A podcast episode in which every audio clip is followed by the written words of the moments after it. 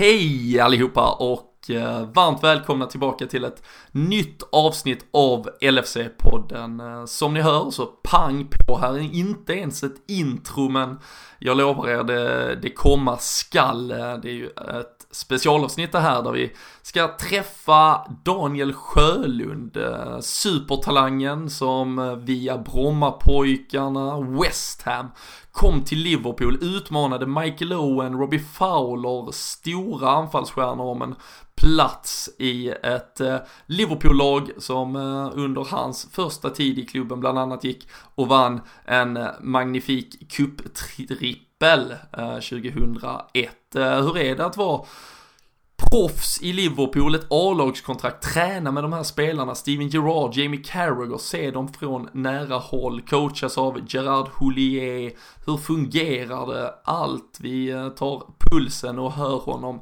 berätta om eh, de tidiga ungdomsåren och eh, vad som kanske kunde ha blivit så mycket mer i Liverpool. Eh, ett Riktigt fantastiskt avsnitt har ni alldeles strax att vänta, men eh, här och nu vill vi såklart också eh, uppmärksamma våra vänner på LFC.nu, den svenska supporterklubbens hemsida där vi håller till eh, på daglig eh, nivå egentligen med nyheter, eh, artiklar, reportage, krönikor och mycket annat. I dessa silly tider kan det ju vara värt att hålla koll på vad som händer ute i vimlet och den ja, fotbolls Uh, kalabalik nästan som verkar råda och så har vi såklart spelbloggar.se med oss i vanlig ordning också där de uh, flaggar upp inför helgens, inför Premier Leagues, Champions League väntar om ett par veckor. De bästa speltipsen hittar ni ju alltid där. Och eh, sen så vill ju vi idag också väldigt, väldigt, väldigt eh, glada över det presentera nyheten att vi eh, från och med väldigt, väldigt snart och ni kommer kunna följa med i våra sociala kanaler där vi lanserar detta kommer att finnas på den exklusiva plattformen podme.com och där kommer vi regelbundet att släppa specialavsnitt. Likt det här så se detta lite som en teaser, en liten inblick i det som komma skall.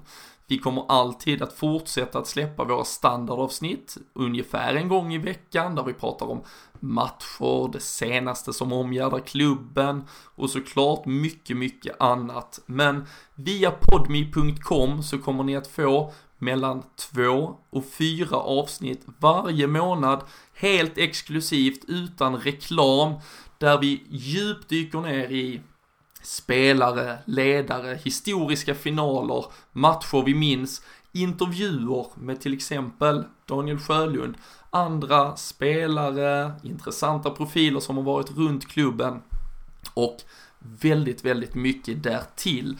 Och för bara 90 15 spänn i månaden så får ni den här tjänsten. Ni får hänga med rakt in i vårt exklusiva material och ni kan eh, dessutom samla våra gratisavsnitt i appen Podme. Men via podme.com alltså. Håll utkik, vi kommer flagga när det är dags att klicka sig in, signa upp sig.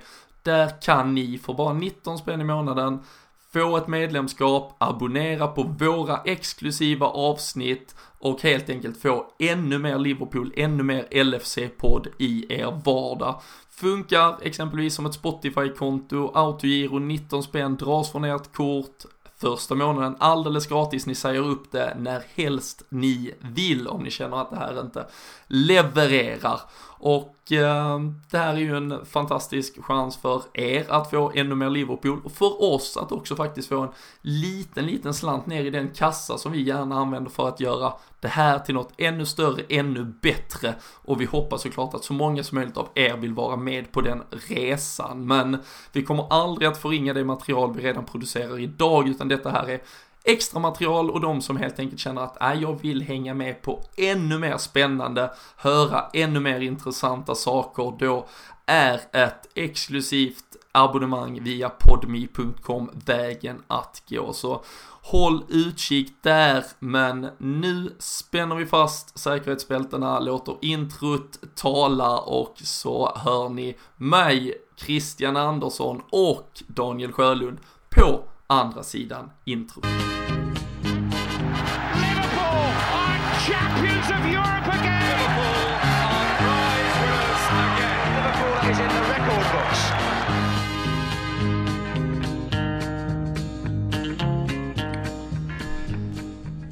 Jajamensan, då sitter vi här eh, nu äntligen. Eh, jag, eh, Robin Bylund, Christian Andersson har hängt på in i värmen här. Och så framförallt ett stort välkomnande och tack för deltagande här idag Daniel Sjölund. Tusen tack för att du kunde ställa upp och ta dig tiden. Allt bra med dig idag? Jajamän, det är jättebra. Fantastiskt. Eh, ja, vad ska jag säga? Är kul att vara med och prata lite Liverpool och lite gamla minnen. Ja, precis. Det som som eh, såklart, eh, trots en, en lång och eh, väldigt, väldigt fin karriär på väldigt många håll så, så kommer vi väl troligtvis ägna merparten av året just att prata Liverpool och de åren kring millennieskiftet, tidigt 2000 du spenderade där. Men um, jag tänkte vi uh, vill gärna lära känna dig lite kort med ett par generella sådär frågeställningar och så kommer vi komma med tiden in på uh, det där som uh, jag vet att alla lyssnare sitter nu spänt och och väntar på. Men att du heter Daniel Sjölund tror jag ingen har missat. Men hur, hur gammal har en herre som du hunnit bli idag? 34 år, fyller 35 här i april. Och eh, man hör någon liten klang av eh, såklart en väldigt bra svenska men en liten finsk touch och eh, jag vet ju att du har rötter på Åland också men eh, hur står det till med nationaliteter och sådär för din del? Jag är ålänning eh, från början och sen har jag bott i Sverige i många, många år så det har väl, dialekten har väl ändrats lite grann i alla fall. Den har hängt med. Eh, ja, precis. Och sen Men, äh, finsk landslagsman. Sedan... Jajamän, stämmer. Har du både ett finskt och svenskt medborgarskap således eller? Ja, det har jag. Jajamensan. Äh, nuvarande klubb, du har ju lite kvar i kroppen vet jag. Ja, lite grann finns det kvar att klämma ur. Uh, IFK Norrköping. Ja. Och då är det mitt i försäsongen nu kan jag tänka mig. Ja, visst är det så. Vi har ju precis kört igång här och eh, har du... tagit oss an den här tuffa, tuffa perioden. Är, Sen, du, eh, är du först i varje led och uh, mest på hugget av alla? Nja, jag, jag, är där i alla fall. Men eh, sen är det klart att vi, det är ju väldigt mycket fotboll ändå jämfört ja. med om man tittar tillbaka 10-15 år så var det ju mer fys och ja, den, den typen av träning då. Och idag så är det en liten del men mest fotboll. Du har ju, du har ju, du har ju faktiskt 15 år i, i svensk fotboll nu ganska exakt. Hur, hur stor har den där skillnaden varit med just hur man tränar och hur man tänker rent generellt? Ganska stor skillnad skulle jag säga. Eh, jag kom ju till Djurgården 2003 egentligen där när Djurgården var väldigt bra och, och körde väldigt mycket styrketräning framför allt då. Eh, vilket många lag tog efter. Och, men sen eh, efterhand så har det blivit eh, mindre och mindre av, av den delen och, och, mer och mer fotboll. Och att man ska vara återhämtad till varje pass och när man väl kör så ska det gå, ska det gå undan och vara bra tempo och intensitet istället. Mm. Position nu för tiden? Innermittfältare. Mm. Och det har, du, det har du i stort sett varit väldigt länge nu, känns det som i alla fall. Ja, absolut. Eh, jag var ju, när jag var yngre, jag var ju anfallare mest. Mm. Eh, var lite kvickare på den tiden. eh, men sen eh, har jag egentligen spelat ja, in i mitt fältare, offensiv eller defensiv hela tiden. Mm. Ehm, förutom eh, fotboll och eh, härliga försäsongsträningar, vad är eh, intressena och sysselsättningarna idag? Um, väldigt mycket tid går ju till uh, familjen såklart. Uh, och just nu så gör jag väl inget speciellt egentligen. Jag försöker ju se en del fotboll när jag kan. Men uh, blir li lite mindre av den varan också tyvärr. Mm. Uh, men eh, ja, och, och sport överhuvudtaget följer jag med. Jag säga. Och sen lite serier och, och filmer och sådär brukar jag också kolla.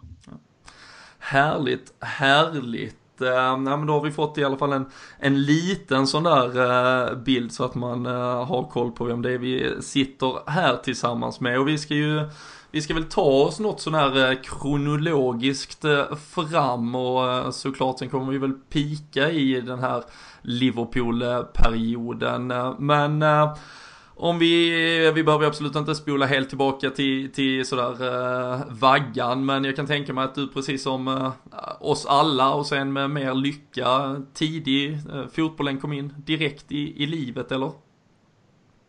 Jag har ju både, både mamma och pappa spelat fotboll innan och, och så har jag en äldre bror då som spelar och det vart ganska naturligt att börja där då med pappa träna och brorsan spela så det var bara att haka på.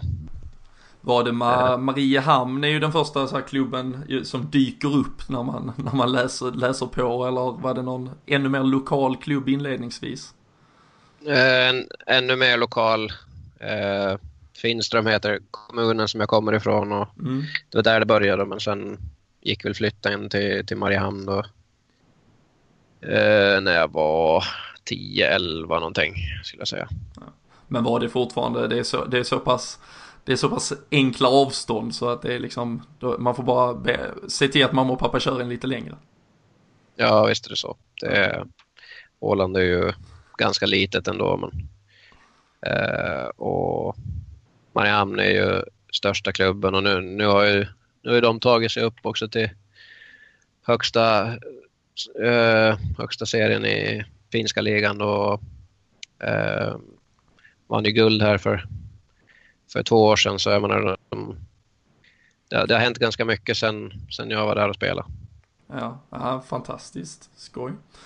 Och eh, sen som 16-åring så var det väl när flyttlasset eh, togs till Sverige och att Brommapojkarna kom in i, i bilden? Ja, precis. Det var väl i samband med att eh, jag skulle börja fotbollsgymnasiet och, eh, och då blev, blev det en flytt till Stockholm och BP då, eh, vilket var ett, ett, bra steg då från finska division 2 då som jag spelade med Mariehamn och sen eh, kliva upp då till, till svenska division, division 1 norra var det då, tror jag. Gick du in och spelade A-lagsfotboll i Brommapojkarna direkt så här, som 16-åring? Ja, jag var ju med i A-laget.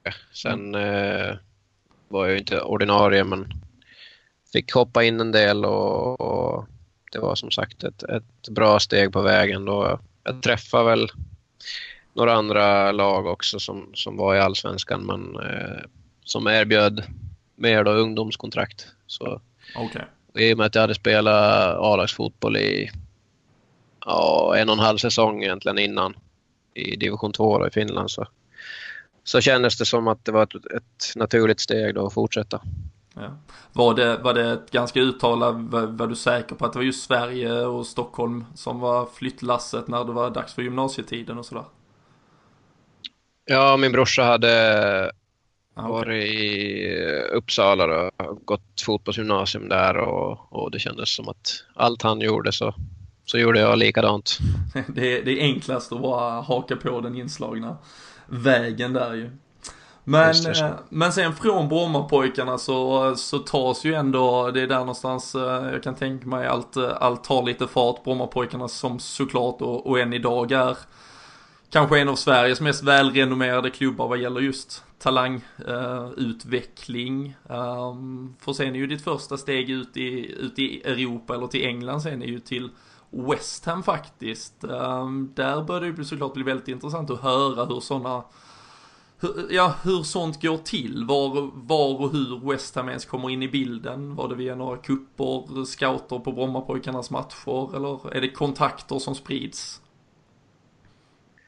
Det är väl en, en blandning av eh, ja, Brommapojkarna såklart och, och Mariehamn innan då plus att eh, jag spelar ju med, med finska pojk och ungdomslandslag på den tiden och syntes väl där en del. Och, och sen eh, det var väl där vid 14-15 som, eh, som jag skaffade agent också första gången så det har väl också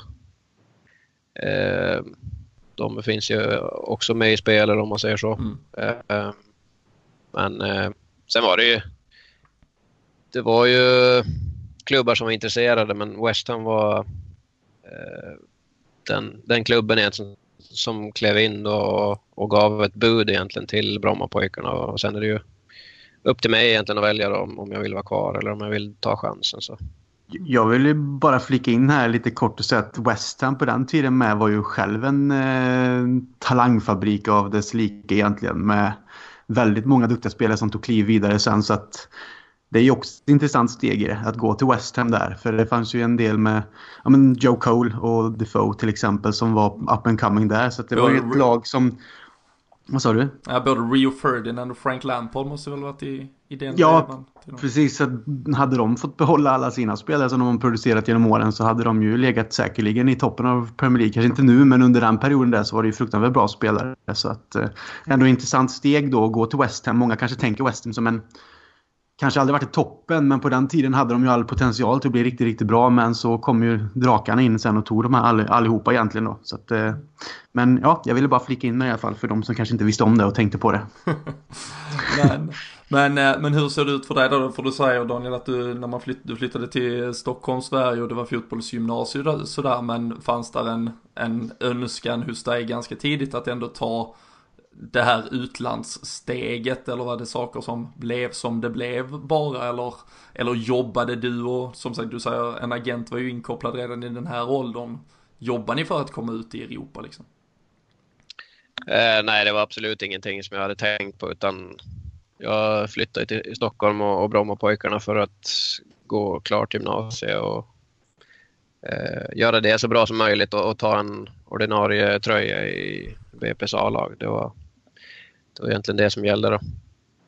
Hur, uh, nu sitter det ju såklart uh, oroliga föräldrar där hemma och lyssnar här. Gick du klart gymnasiet till slut? nej. nej. Uh, det, jag hann ju egentligen inte göra så mycket. Uh, I och med att jag flyttade på redan i, i november tror jag, samma år. Mm. Så ja, sen gick jag en del kurser i London då. Mm. Eh, men jag har inte fått gymnasiet klart. Du har, du har klarat det ganska väl ändå.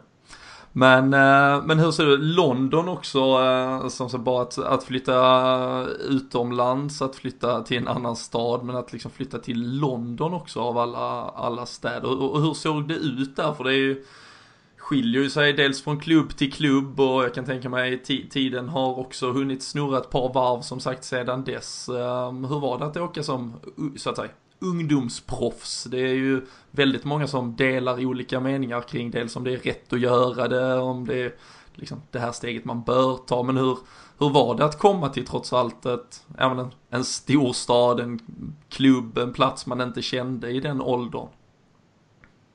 Ja, men det är klart att det, tufft eh, samtidigt som väldigt eh, spännande också att komma till ett nytt ställe och ta sig an eh, nya utmaningar.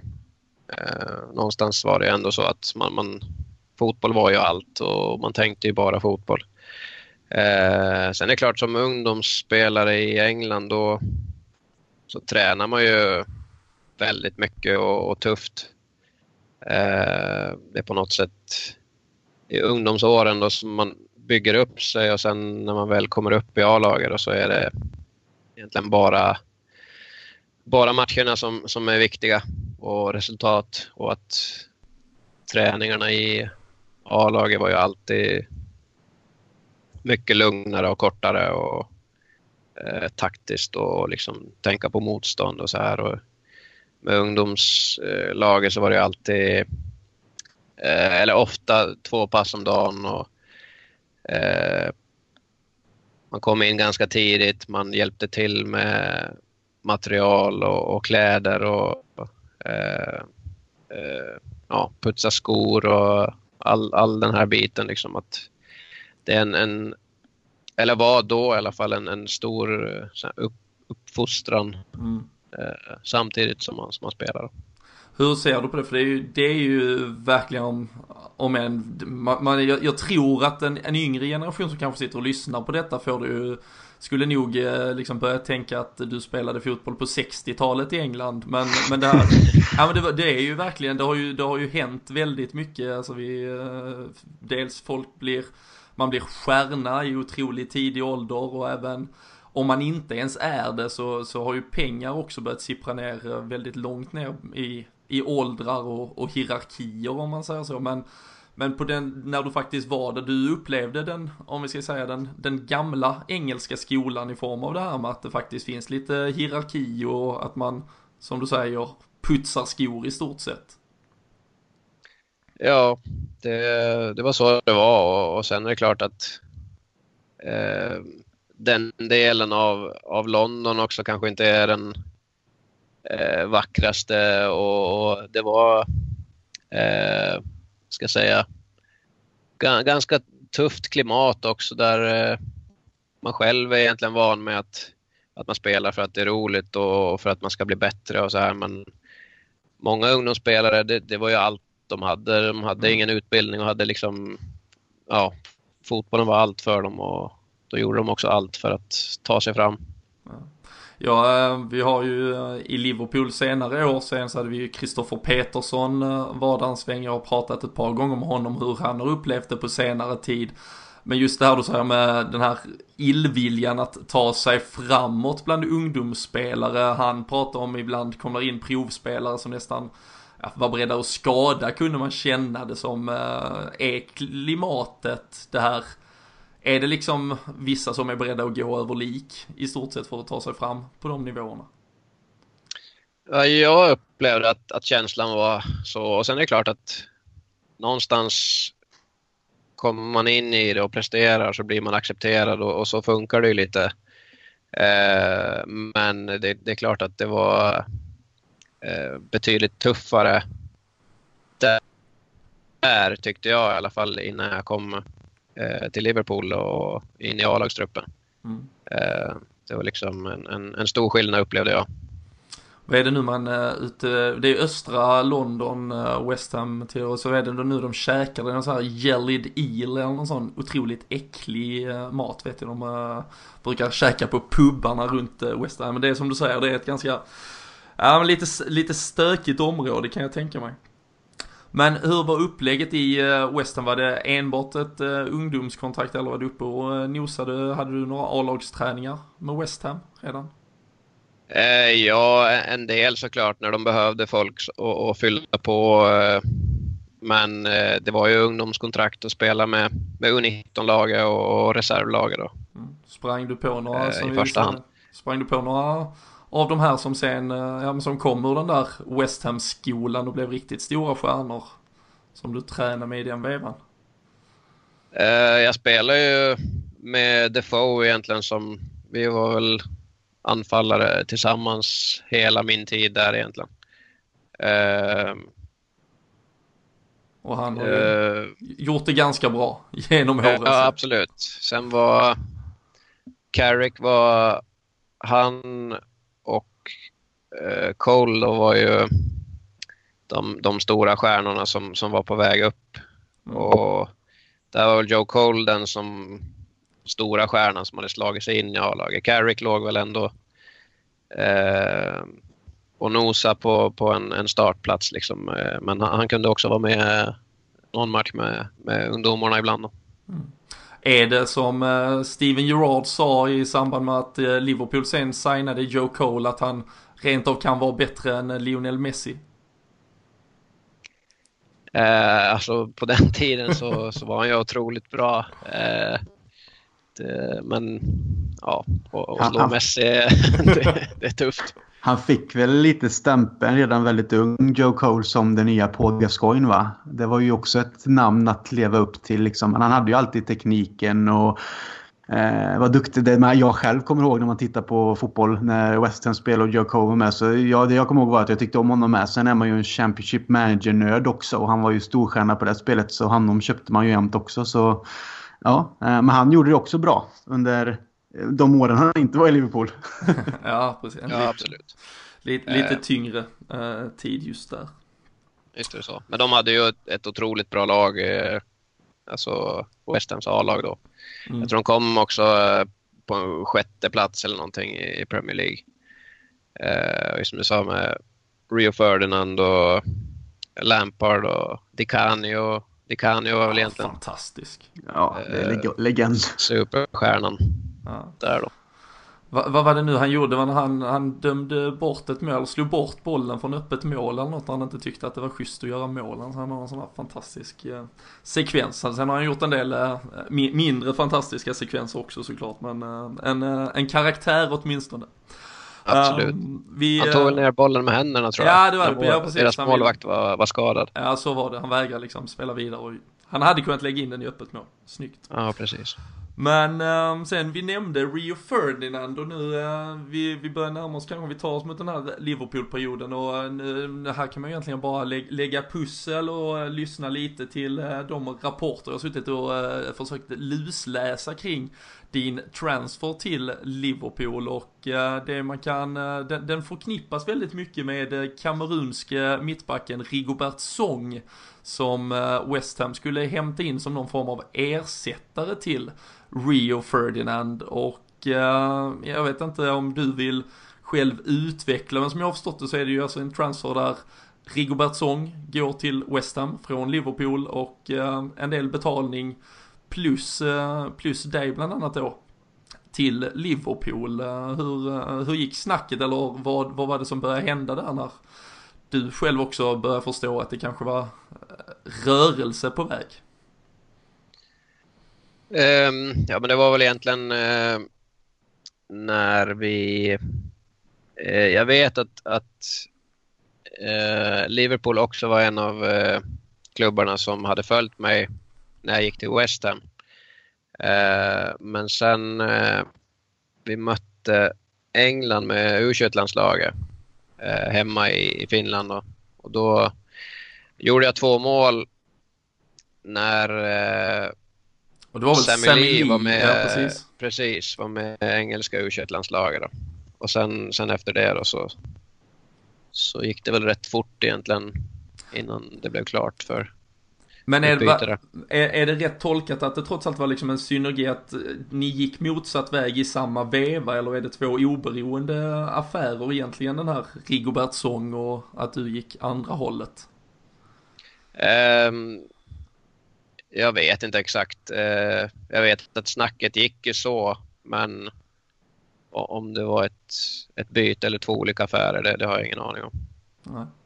Men, eh, och eh, nej, men du nämner den här landskampen också eh, och Sammy Lee nämnde, nämnde vi båda där i munnen på varandra och känner man inte till honom, han är ju en eller var fram, framförallt kanske till ett par veckor tillbaka var han ju absolut en Liverpool-legend och nej, skämt åsido är han ju det fortfarande men är ju idag assisterande till Sam Allardyce i eh, Everton så det är klart att det har knorrats en del. Jag vet att han fick ställa in en Legends Night han skulle hålla på Anfield eh, två dagar efter han där signade för Everton. Det blev väl lite känsligt men både fantastisk spelarkarriär och eh, ledarkarriär i flera olika former i Liverpool. Så det är såklart att han är ett erkänt namn där. Eh. Och, eh, men hur funkar sånt då på den nivån när, när Liverpool då plötsligt börjar kliva in här och, vi, och vilken nivå befann du dig på spelarmässigt här? Var det ett att Liverpools liksom A-lagsdelegation på så sätt började nysta i detta eller var det fortfarande en deal två ungdomslag emellan om man säger så? Eh, jag fick ju A-lagskontrakt så jag, jag tränar ju med, med A-laget varje dag. Eh, men sen var det ju så att jag, jag spelar ju med Liverpools U19-lag och reservlag. Eh, så det vart en, en väldigt bra mix för mig då att kunna ta det steget samtidigt som jag fick spela många matcher också. Och du var ju fortfarande här, du får rätta mig, men du var fortfarande bara 17 år när du går till Liverpool. Eh, jajamän, det stämmer. Och det är alltså om vi sätter det lite i någon form av kontext, alltså en 17-åring som får ett A-lagskontrakt med Liverpool idag, det... Alltså det, det händer ju knappt. Hur, eh, nu ska du, du får ändå slå dig lite själv på liksom bröst, bröstet här i detta. Du, du var ju en otrolig het talang på den marknaden, så det var ju ett... Alltså Liverpool köpte ju dig såklart med, med tanken att det här skulle kunna bli något riktigt stort. Ja, eh, det, det, var ju... Inte vara blyg nu. Ja, men det, det, var ju lite så när man kom dit också att, att det kändes lite overkligt och eh, ja, man var väldigt blyg i, i omklädningsrummet i början. Men du, du nämner ju det att din, din pappa och din bror och det här liksom alltid hållit på Liverpool. Hur, hur blir känslan när du själv då gör en övergång från West Ham? Då du kommer ändå till England, West Ham, men gör övergången till klubben som du själv är supporter till. Hur är den känslan? För det är ju inte alla som får den möjligheten. Hur, för sett till eh, din professionella inställning att du ska, vill bli fotbollsproffs och du vill satsa på det. Fine, då kanske man bara ska hitta rätt miljö och klubb. Men hur känns det att gå till klubben som faktiskt man brinner för? Eh, ja, det, det, var ju overkligt. Eh, att komma dit. Sen, sen blir det efter ett tag, alltså jag är ändå där för att spela fotboll och, ta mig fram och eh, ja, så jag menar det blir ju vardag till slut. Och mm. Det är mer den där första känslan kommer jag ihåg, just att stiga in i omklädningsrummet med alla, alla de här stora superstjärnorna. Eh, att gå från West Ham då, vi tränar ju på samma anläggning som som, som A-laget i, i West Ham. Då. Eh, och man hälsade och man eh, ja, var nära alla stjärnor sådär men ändå att komma till Liverpool sen och verkligen träna med de här stora stjärnorna var, eh, ja, det var, det var mäktigt, eh, kommer jag ihåg, just, just när man klev in där. Mm. Och sen eh, som jag sa så, så blir det ju vardag till slut och man måste ju ta för sig. Man måste ju liksom, det, det är så det funkar också. Man kan inte börja vika undan tacklingar mot, uh, mot de där spelarna heller.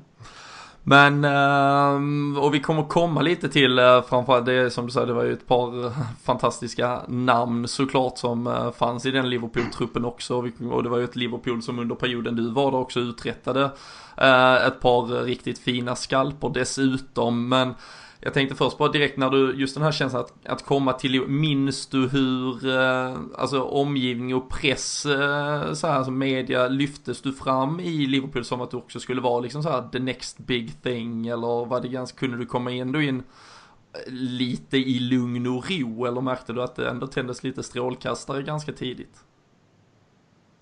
Ja, jag upplevde att det var väldigt lugnt. Eh, att, att jag fick eh, komma in i det och jag, jag märkte ingen eh, större press där utifrån utan det var ju, det var ju så många andra också som eh, ja, kanske inte andra unga spelare som var på väg upp men det var ändå en trupp på kanske över 30 man där alla var landslagsspelare egentligen så det är klart att man, man håller sig ganska, ganska skuggan bakom dem.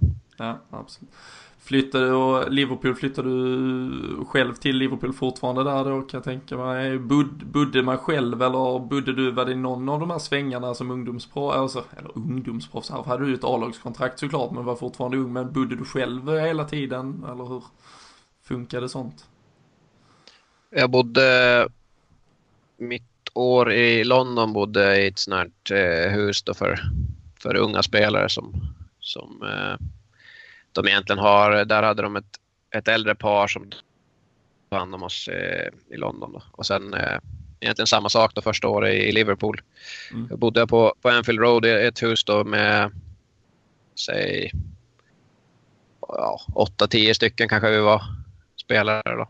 Eh, och, vilket är jätte, jättebra också som ung att komma dit och, och inte vara, vara själv utan bli lite omhändertagen och, och sådär och få hjälp att komma in i det. Sen, mm. eh, jag, säger, jag var där i två år då, och andra året så bodde jag i lägenhet. Mm. Vad jag tänkte på, är det någon spelare från den tiden som du bodde med då tillsammans med som man eh, vet vem det är? Eller var det liksom sådana som föll bort? Eller liksom har du bott med någon som har gått vidare och haft en väldigt stor karriär? Eller hur såg det ut? Uh, nu ska vi se här. Kanske svårt att komma ihåg allihopa. ja, alltså. Det var ju Steven Wright, om ni kommer ihåg. Mm. Ja, ja, han med öronen. Han, precis. Eh, det var ju hans mamma och pappa som eh, hade det här huset då, och tog hand om, om de här yngre spelarna. Eh, så det gjorde det också ännu lite lättare i och med att deras son var med i A-laget. Eh, sen är det väl, eh, ja, vem skulle kunna vara? Neil Mellor, han var en, eh, en av dem mm. som, som bodde med oss då. Han, mm. eh, Också en karriär som man trodde skulle bli så otroligt mycket mer. Alltså den hann ju såklart bli någonting men uh, också väldigt skadeförföljd ganska tidigt tyvärr. Ja absolut. Uh, ett otroligt sinne för att eh, göra mål. Otroligt eh, skarp i boxen. Mm. Och eh, under tiden du var i Liverpool, nu, nu vet jag inte exakt om eh, framförallt den ena var där redan när du kom, men eh, annars en liten finsk koloni i stort sett. Jari Littmanen eh, delade du omklädningsrum med i någon veva måste du ha gjort i Liverpool och Sami Hyppie såklart som hade en lång och väldigt fin karriär i, i Liverpool. Hur, uh, var det någon grundtrygghet eller uh, det, nationaliteterna kanske man suddar ut direkt man kliver in i sådana sammanhang? Eh, ja, eh, både och såklart. Jag, eh, som Hypie till exempel eh, bjöd hem mig på, på middag någon gång och, och det var ju väldigt skönt också att kunna känna att en, en sån spelare tar hand om en när man kommer dit. Eh, och Littmannen också, alltså det är jättebra personer.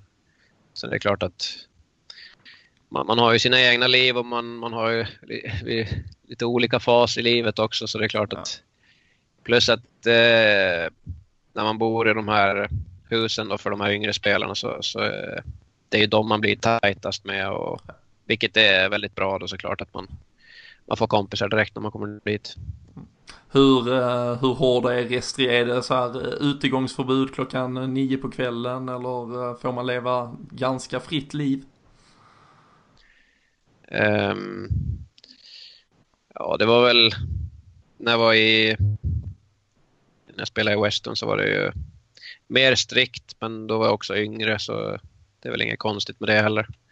Uh, och sen som jag sa sista året i i Liverpool där så hade jag fyllt 18 och flyttat ut i egen lägenhet så det är klart att det... Då eh, blev det lite ja. värre. Nej då. Det... Nej, Liverpool äh, bjuder ju på mycket trevligt om man, om man så vill. Men, äh, men om vi, äh, vi kanske fokuserar lite då på de här åren eh, det trots allt blev i, eh, i Liverpool. Eh, tyvärr omgärdad av en del skador men du tränar ju dagligen i stort sett på Melwood och med ett lag som bestod av spelare som, som Steven Gerrard, som Robbie Fowler, som Michael Owen, Um, Jamie Carragher. Ja, såklart. Ja, men där, där, fanns ju många såklart fantastiska spelare. Hur, uh, ja, men hur var det att uppleva de här från, uh, eller jag vet inte, det är, är svårt såklart att påstå att du upplevde dem, du var ju en del av det och se dem spela, men minns du spelare som tidigt där man bara säger det här är ju, det här är ju helt fantastiskt? Ja, det var, det var jättebra, det var ju kanon för min utveckling också träna med de här gubbarna varje dag och sen eh, spelar jag egentligen eh, U19 och reservlagsmatcher då varje vecka. Så eh, ja, spelade två matcher i veckan och sen träna då med, med A-laget så det var, det var helt perfekt. Hur upplevde du om, vi, om man fokuserar de, de fyra namnen jag nämnde till exempel, eh, hur upplevde man dem på träningsplan? Var det, stack de ut både i, med sin sin insats och hur Steven Gerrard var ju i en ålder och en fas av sin karriär där han inte var så tyglad. Eh, har han fått några eh, vredesutbrott på dig? Nej, ingen, ingen som jag kommer ihåg så här, men jag, jag tyckte att det var, alltså träningarna i A-laget var ju, eh, det var bra fart men det var ändå ganska lugnt och man, man vart ju, vad ska jag säga, det var ju, spelar man för tufft på träning så vart man ju tillsagd. Eh, att det, det är skaderisk, det är liksom inte värt det för att det är matcherna som är det viktiga. Eh, sen är det klart att skickligheten och farten och intensiteten när, när man spelar och så, så var ju enormt hög då såklart men eh, jag tyckte ändå att det, ja. Eh, jag vet inte om man, om man tror också när man kommer dit och ser alla superstjärnor, man är, man är nervös och går ut och tränar och sen, sen släpper det såklart om man känner att det här, jag klarar av det här. Det, det funkar ju. Mm. Och det var Gerard Houllier som var manager för Liverpool under perioden. Yes, stämmer. Hur, hur eh, var er relation? Det är också, det har varit en vattendelare har man hört från många. Vissa har ju älskat honom, vissa har kanske tyckt Eh, andra saker. Det är väl också naturligt med tränare. Hur, eh, hur upplevde du eh, honom och hans sätt att handskas med, med, med truppen och spelidé och så vidare? bra tyckte jag. Han, han var alltid lugn och eh, var väldigt eh, en väldigt bra person som tog, tog hand om allihopa och eh, han var ju ute på träningar också ofta och titta och sådär men eh, det var väl mer tränarna runt omkring egentligen som eh, tog hand om ja, tog hand om träningarna. Ja säga. Vilka namn är det? Phil Thompson var ju i någon sväng. Nu vet jag inte om det var i den perioden. Ja, han var en av dem. Och Lee då såklart. Ja. Phil Thompson känns ju däremot som en som kan få ett och annat psykbryt. ja, det däremot. Både han och Lee var ju väldigt... Eh... Det ser man ju på Lee idag. Liksom. ja, precis. Det, det, det, är så de funkar. Och engelsmän också. Eh, Ja. Men jag har tänkt lite på det som du sa, det här med lugnt, eller lugnt tempo var det inte, men tempo i träningen med A-laget, men just det här att man kanske höll igen lite för skaderisk och så, men samtidigt har man ju ändå lyssnat eh, väldigt mycket och läst. Eh, Steve Gerard har uttalat sig om när han slog igenom så fanns det ju ingenting som skulle stå i vägen utan han har ju sån här liksom att även om det var stjärnor på de positionerna som han ville åt när han kom upp så var det liksom den här känslan av att jag ska flytta på de här. Och då krävs det ändå kanske lite ta för sig och lite hårdare tag för att någonstans både bygga självförtroende och visa de andra att man inte är där bara för skojs skull utan att man vill, man vill slå sig in så fort som möjligt. Så att jag tänker på hur var din inställning där även om man som sagt blir tillsagd att det skulle vara lite lugnt. Vad, hur gick du in det personligen? Vad var dina tankar? Klart man alltid har ambitionen att man ska ta sig in i ett lag och få spela men det är ändå lite det här hur man följer vissa eh, uttalade regler om man säger inom citationstecken då. Hur, hur gick dina tankar kring det just A-lagsmässigt där då? Eh, men det är klart att eh, eh, jag gick ju inte ut och, skadade någon på träning direkt utan var väl ganska försiktig såklart eh, när det gällde den biten. Då. Mm. Men det var ju alltså någonstans, jag spelar två matcher i veckan också och har ju de chanserna att visa upp mig. Sen är det klart att man vill ju visa upp sig på träning också. Det är ju extra kul att, att träna med så otroligt bra spelare. Men jag tror också att en som Gerard var ju redan storstjärna när, när jag kom dit. Så uh, jag kan inte säga heller att jag märkte av att, att han sprang runt och tacklade folk på träningarna utan det, det Kanske det var, var tidigare skede. Ja, ja det, det, skulle jag tro.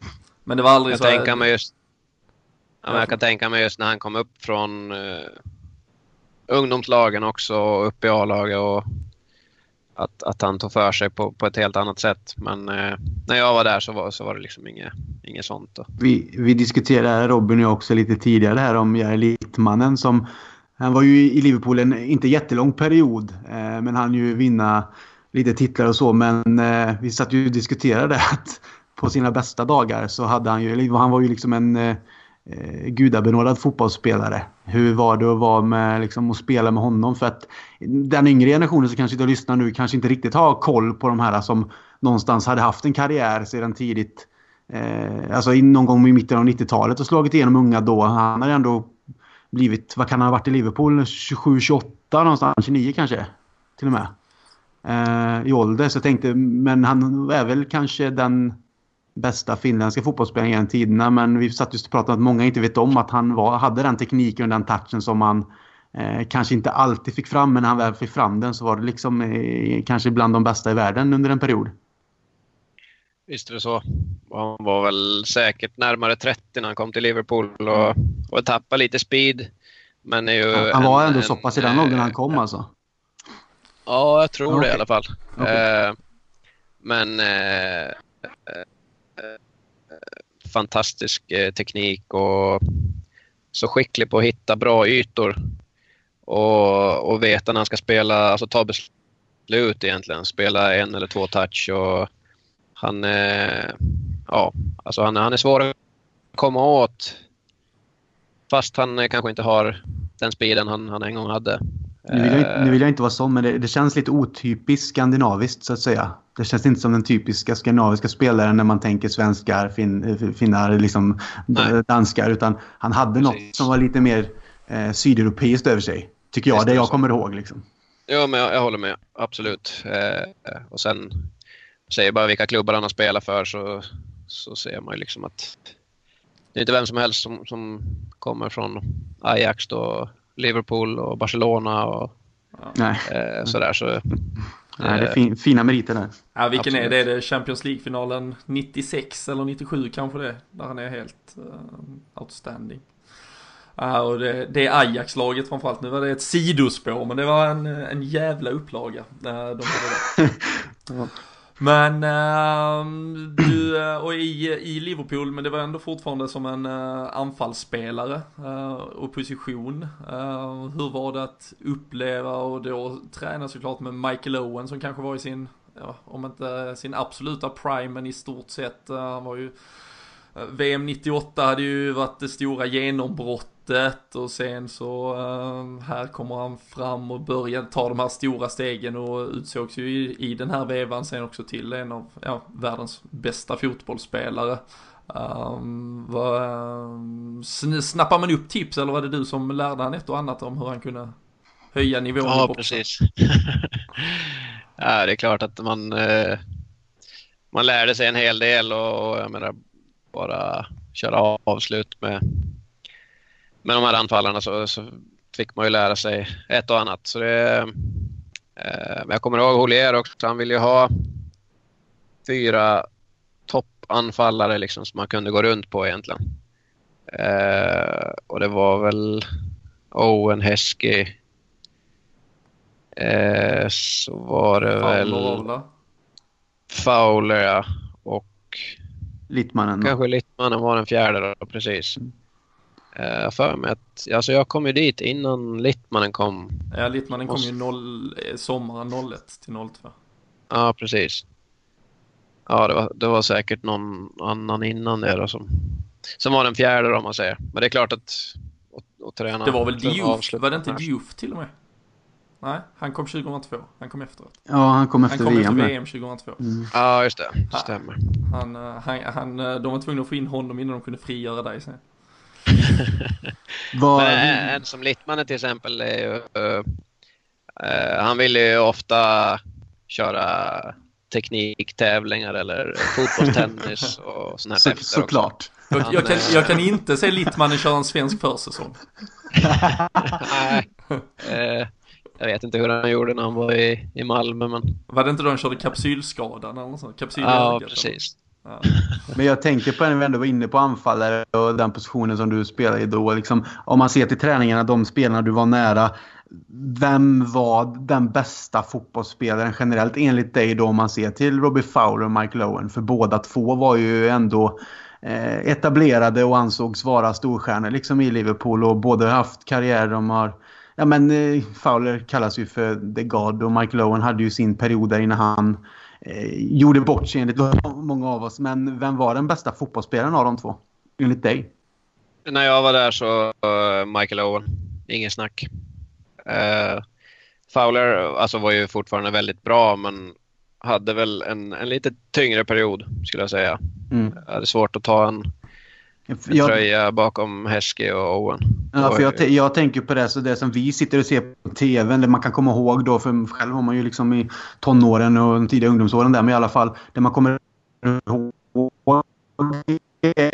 att kanske annorlunda där du då kanske så varje varje dag just rent som du, du beskriver ändå Littmannen med teknik. Så jag tänker en sån som Fowler kanske har helt andra attribut som kanske gör att han egentligen skulle kunna vara en bättre fotbollsspelare. Men en sån som Michael Owen då, som du säger, är i just sitt esse just där och har helt andra egenskaper som gör att han då sticker ut ännu mer. Alltså du förstår vad jag menar. Du ser dem på nära håll. Vi ser ju bara vad, man, vad de presterar egentligen på TVn och, och, och, dömer därefter. Men när man ser folk på träningar så kan det ju finnas de som är helt otroliga men de kanske inte riktigt lyckas i, när det gäller. Tänker jag liksom. Men eh, du svarar ju ändå Mike Lowen så att det är absolut. Jag förstår ju det. Det var väl också där, eh, måste varit i samma veva, 2001 var väl det när eh, England eh, trashar Tyskland med 5-1 och då är det väl Owen och Heskey som till och med är landslags... Gerard också. Ja, Gerard spelar ju men det är Owen och Heskey som är landslags anfallspar där till och med. Mm. Så nej, det var ju såklart fantastiskt. Och 2001 generellt, om vi börjar med hur det gick för Liverpool där Daniel, så var det ju en fantastisk säsong med, med titlar i en FA-cup, en ligacup, en Uefa-cup till och med. Hur, du måste ju ha upplevt det trots allt från, från nära håll och sett förberedelserna och upplevt stämning på vägen fram och sådär. Hur eh, Ja men hur, hur, hur tar sig en klubb an sådana perioder? Här var man ju tvungen att vara verkligen beredd, alltså man var ju tvungen att vara på tå ett, två gånger i veckan i stort sett även på, i hela klubben. Ja absolut. Ehm, det, det var också en, en, en häftig resa det, med att det gick så otroligt bra för, förlaget. Och, eh, ja, eh, det var ju egentligen ligan då som man inte lyckas eh, vinna. Som, som jag tror att det ändå är, ja det är klart Champions League är en, större skalp men eh, att vinna Premier League eh, hade varit häftigt att få in där också men som du säger det var väl fem titlar tror jag. Ja, Säsongen. Europeisk att, supercup och Community Shield kommer där på ja, sluttampen. Visst är det så. Men, eh, det är lite samma där att eh, någonstans blev det också som en vardag att, att det spelades finaler och eh, vi, hela truppen var, vart ju medbjuden också att åka på finalen och, och titta och, och sådär. Så, eh, det, var, det var en häftig period. Är det någon av eh, finalerna eller det kan ju ha varit någon, något längs resan, längs vägen till någon av matcherna som eh, så här sticker ut eh, som något minne där Ja men där man märkte att, att det betydde otroligt mycket för klubben, för staden, för alla. Där, där festen helt enkelt var, var lite bättre. Um, det man kommer ihåg mest är väl det är klart att, att derbymatcherna mot, mot Everton har ju alltid varit stora men någonstans kändes det ändå som att eh, Manchester United, eh, ja, matcherna mot dem så var ändå största rivalen någonstans. Kändes det som då i alla fall. Eh, och kom ihåg Rises kanon bland annat. Eh. Och en del tacklingar från Gerard också som du säger att han, han var lite mindre slipad på den tiden. Men det var, kul att se i alla fall och sen kommer jag ihåg finalen också i den här uh, Uefa-cupen tror jag det var på den tiden. Precis, det uh, Alaves uh, i Dortmund eller? Precis, och, då vart vi medbjudna allihopa då uh, och hänga med och kolla. Och, ja, det var, det var en det var en häftig final. Ja, det är grymt är det ju. Det är grymt. Jordi Cruyff gjorde mål för bara alla väst. Bara, bara, ett, det. Bara ett, det. Ett, ett, sjukt minne man, man har med sig från det. Men äh, ja, inga, äh, inga skandaler från äh, några finalfiranden sen efteråt. Och stannade ni kvar i Dortmund en, en natt efter det eller? Eh, bra fråga. Jag tror att vi åkte hem direkt. Dortmund är ju för övrigt en jävla var... skitstad att festa i. Så det, det gjorde ni rätt i i så fall. Ja. nej, nej, men det är fantastiskt. Men äh, om vi, äh, om vi bantar ner det här äh, generella Liverpool-snacket lite till din karriär. För det, det var ju tyvärr också äh, en del skador som satte stopp för, ja men kanske den där yttersta uppväxlingen. Hur, hur känner du själv när du ja, någonstans nu är det ju som sagt det är eh, 18 år sedan eh, den här tiden inleddes i Liverpool men eh, när du blickade tillbaka ganska tidigt efter bara något år kanske när du hade lämnat Liverpool kände du att du Ja men fick du den chansen, fick du möjlighet att ta den chansen eller hur, hur blickade du tillbaka på de två åren du spenderade i Liverpool? Jag, alltså jag tyckte att det gick bra när jag kom dit och, och jag gjorde en del mål i både U-lag och eh, reservlag. Eh, och som sagt fick träna med A-lag. Jag tyckte också att det, det gick bra och, och, att man blev accepterad där och, och en i gänget sådär. Eh, men eh, det, ja, vad ska jag säga, jag var med som närmast var jag väl med i kan det ha varit då? Kan det ha varit åttondelsfinal tror jag i, i den här Uefa-cupen då. Mm. Mot eh, Roma i dubbelmöte då. Så fick jag vara med i, i truppen. Satt på läktaren eh, båda gånger men liksom fick vara med och, och se och lära och, och sådär. Så det, det var jäkligt häftigt då. Um, sen um, det jag ångrar mest är väl egentligen att jag... Eh, jag spelar ju ganska mycket med, med finska eh, pojk och ungdomslandslag och sen eh, fick jag egentligen chansen då att, att vara med på en, en försäsong. Och då kanske man kan spela någon match och, och ja, hoppa in en, en halvlek eller någonting och få visa upp sig lite. Men just den, den gången som jag, jag, jag bröt ett ben i foten sen eh, i augusti eh, 2000, ja var det 2001 då? Ja precis, de har satt sommaren efter den där Uefa Cup våren. Ja precis. Eh, och då spelade jag, då spelade jag U20-VM i Argentina med Finland då, vilket var väldigt häftigt. Eh, men det, det gjordes ju egentligen direkt efter säsongen. Men sen då så, så var det tänkt att jag skulle åka tillbaka och vara med på försäsongen. Men eh, då var det ju även U18-EM i Finland. Där, eh, där Finland där man egentligen... såklart ville ha så bra lag som möjligt. Ja, precis. Och i och med att det var på hemmaplan och, och sådär så, så mm. ville de ha med mig. Och, och, men eh, då var det egentligen överenskommet att jag inte skulle vara med först. Men eh, sen till slut hamnade jag där ändå. Och sen kom jag tillbaka då egentligen och missade försäsongen och eh, ska börja träna och så jag tror till och med att det var en träning, eh, alltså det var en sån här matchvärmning bara. Vi skulle spela reservlagsmatch på, på kvällen då så ut och kör lite lätt och så kliver jag ner bara och så eh, knäcks det till lite i foten. Så gick ett ben och så var det gips och operation och gips. Kan det varit något sex. av en...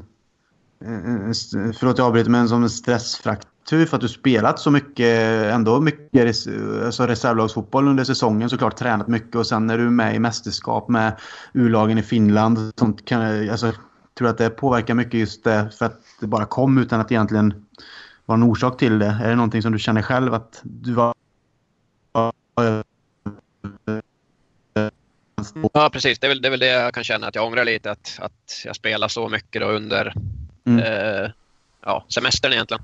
Som det var. Plus att jag missade försäsongen och sen när jag kom tillbaka då så, så skadade jag mig. Eh, sen, ja, det, det, det är ändå så att det hade varit svårt att, att slå sig in i, i Liverpools A-lag, men någonstans så är det ju eh, i och med att det hade gått ganska bra innan och jag hade kunnat fått vara med lite på en försäsong och, och visa upp mig och sådär så hade det varit en, en bra chans tror jag. Eh, men eh, sen var det också så att när den här skadan kom så var det egentligen min, min första riktiga skada.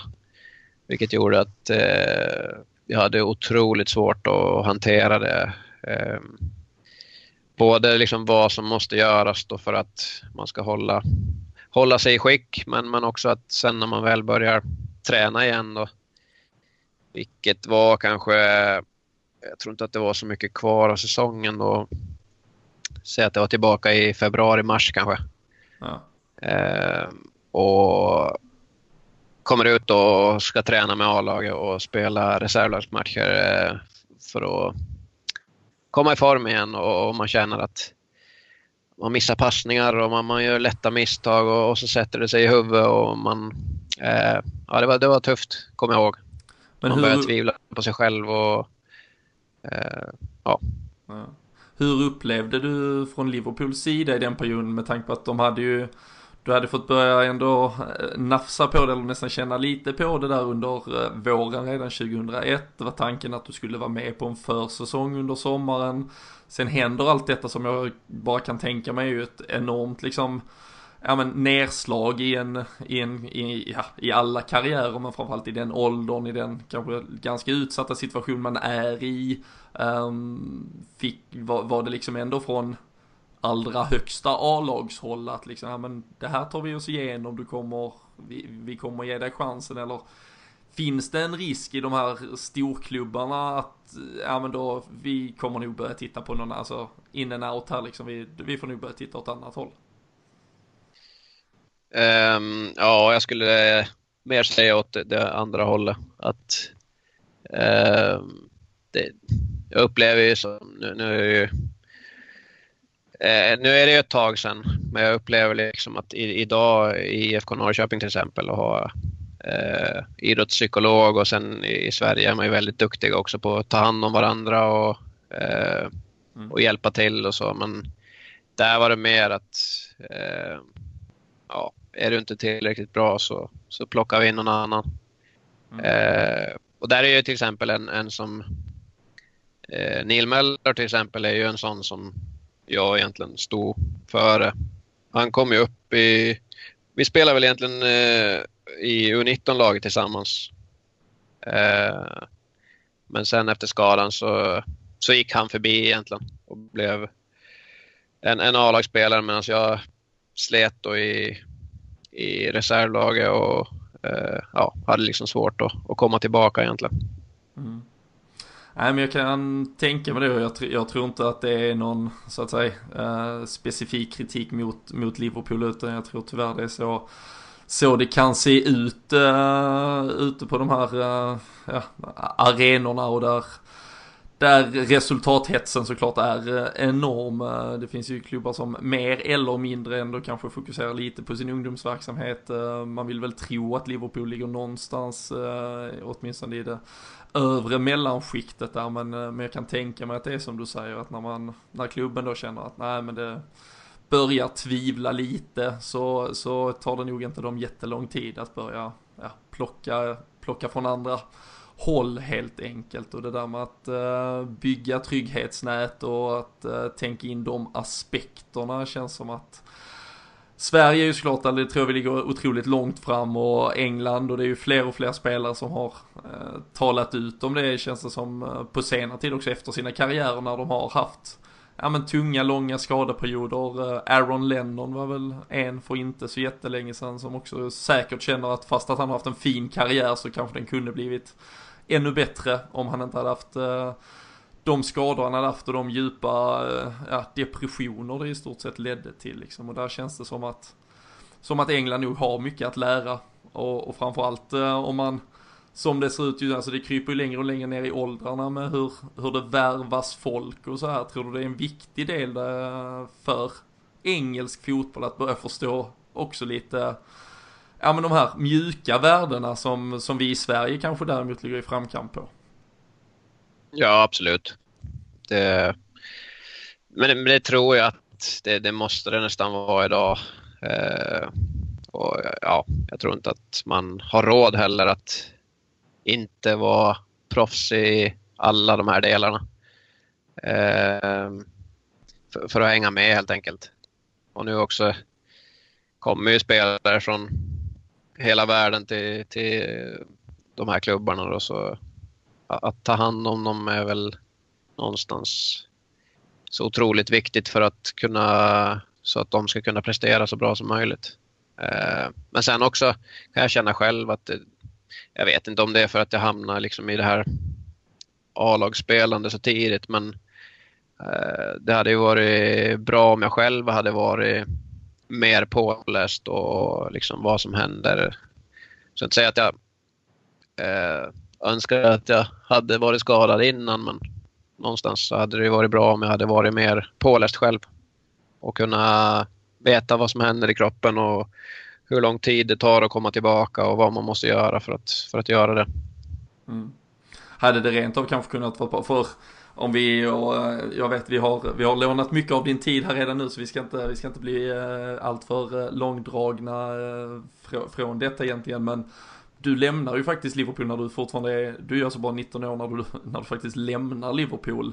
Uh, många 19-åringar har ju inte ens känt på ett, ett Liverpool A-lag eller av den kalibern när man är 19. Uh, eh, det är såklart lätt att vara efterklok men kan du ha legat dig i fatet att du var uppe Ja men som sagt också med skadan att du ville tillbaka och du ville såklart börja se din karriär ta fart. Uh, att just, ja men kanske bara ha spelat och tränat i ett ungdomsreservlag fram tills man var 19. Det är ju ganska okej okay att göra det med innan man ska ta steget. Absolut. Um, det tror jag definitivt. Uh, sen är det klart att det blev lite så också att jag blev för gammal för att spela med U19-laget. Kunde bara spela med reservlaget. Plus att jag hade ganska dåligt självförtroende och hade svårt att ta plats i, i reservlaget då. Och det var ju liksom den enda matchning jag kunde få. Så någonstans så jag behövde ju komma Eh, tillbaka då och spela, spela A-lagsfotboll och eh, börja om på något sätt. Mm. Det blev Djurgården som kom in i bilden. Ehm, det var väl i lite sådär sista sekunden där i årsskiftet eh, 2002-2003 eh, och inledningsvis ett lån. Ehm, där och då i, i dina tankar var det också ett, ett lån eller börjar man förstå att det här nog var slutet på åtminstone den karriären på Merseyside? Um, ja, ja uh, jag tror ju att hade det inte blivit mer än ett lån där så hade jag nog ändå försvunnit från Liverpool då, till, till något annat. Antingen utlånad igen då eller, eller lämna då för, för något annat. Men Djurgården blev ju jättebra för mig. Mm. Uh, och Djurgården var ju väldigt bra det året jag kom dit. Och, det var med Lukic och Åkerby var det den? Jajamän, ja. och då hade de ju vunnit året innan och, och hade i princip samma lag. Guldet också. Precis. Eh, men det var samma där, det var, det var tufft att, att slå sig in och där hade jag inte heller riktigt koll på att svensk fotboll ändå var så stor som den var och Stockholmsderbyn och allt sådär. Eh, och, men det var, det var också väldigt, väldigt häftigt att komma dit. Ja fantastiskt. Och eh, därifrån egentligen såklart en oerhört fin, eh, fin allsvensk karriär eh, med ett, eh, ett par SM-guld och eh, ja, men, har ju gjort eh, avtryck eh, i, i, ett par klubbar så eh, oavsett vad det så att säga blev av det, vad det eventuellt hade kunnat bli så får man ju gratulera till en väldigt fin fotbollskarriär som jag, som jag hoppas att du också ändå är väldigt eh, stolt eh, över. Eh, tänkte bara absolut eh, avslutningsvis eh, Liverpool eh, idag, en, en kort kommentar. Det har ju varit ett ett, en januari månad med värvningar in och ut. Det var galen, eh, nästan propagandafotboll mot Manchester City här i helgen. Det är ju ett Liverpool som eh, spelar med liksom utan hängsle, livrem, det, det är full fart. Eh, vad tror du Liverpool kan gå till mötes de närmsta åren? Ja, det är ju otroligt roligt att se på Liverpool spela i alla fall. Det, det läcker så, Såvida man inte liksom svimmar eller uh, sätter hjärtat i halsen. Ja, precis. Men det krävs ju Att de gör en tre, fyra baljor framåt för att det ska bli tre poäng. Ja. Tyvärr. Men eh, nej, alltså det, det känns väldigt spännande med, med Klopp då som tränare och, och sen det känns som att man har väldigt bra koll på vad man värvar in just nu. Och sen då tyvärr så, så kommer ju de här absolut största Mm. klubbarna i världen och, och köper de bästa spelarna men det, det tror jag är svårt att, att stå emot. Såklart. Nej, vi, eh, vi får hoppas att äh, Liverpool, äh, li, likt äh, du under din karriär, får titulera sig ligamästare snart. Det var ju som du var inne på under avsnittet här, även om Champions League någonstans slår otroligt högt så, så är det väl för Liverpool-supportrar idag just ett ligaguld. Jag tror vi alla sitter och trånar efter. Så med, med det egentligen så tror jag vi avrundar det här samtalet. Tusen tack Daniel för att du eh, tog dig tiden att ställa upp. Eh, Jag tänkte bara passa på att flika in med att vi skulle hälsa till dig från Tobias Hysén. Han la in en Twitter-kommentar att jag har ingen fråga till honom, jag vill bara att ni hälsar till honom. Så det är en hälsning från honom. ja. Ja, härligt. Liverpool, Tack så mycket. eh, Liverpools supportrar e- emellan och ja, vi får väl se, det får väl vara Daniel får ha gått i bräschen här så får vi höra Tobias Hysén kanske får eh, hoppa in och, och joina oss också. Han har blivit eh, tränad av en eh, rejäl motståndare i alla fall i Roy Keane så det kan vara intressant att höra den. Eh, Absolut. delen Vi, vi kollar ju på eh, Champions League-vändningen mot Milan tillsammans i, i Stockholm, kommer jag ihåg. Ah, okej, fantastiskt. Det var, ja ni har ju varit tillsammans i Djurgården de åren helt enkelt. Jajamän. Ja, ja men grymt. Ja men det ska vi se till. Eh, Får vi, får vi ta pulsen på det med, med Tobbe sen också. Men äh, som sagt eh, Daniel, tusen tack. Eh, All lycka till under året nu i Norrköping och eh, ha det så eh, himla bra. Så, Jag ska. Tack jag ska försöka gå, då, stå, ställa mig på kurvan Nordahl några gånger under säsongen under den här sista. Så får vi försöka heja fram till guld. Jag har blivit lite av ett Peking-fan sen jag flyttade hit. Så jag ställer mig där. Jag ställer mig där. Härligt, då ses vi där. ja, det gör vi. Ha det gott allihopa. Tack, Ha det tack.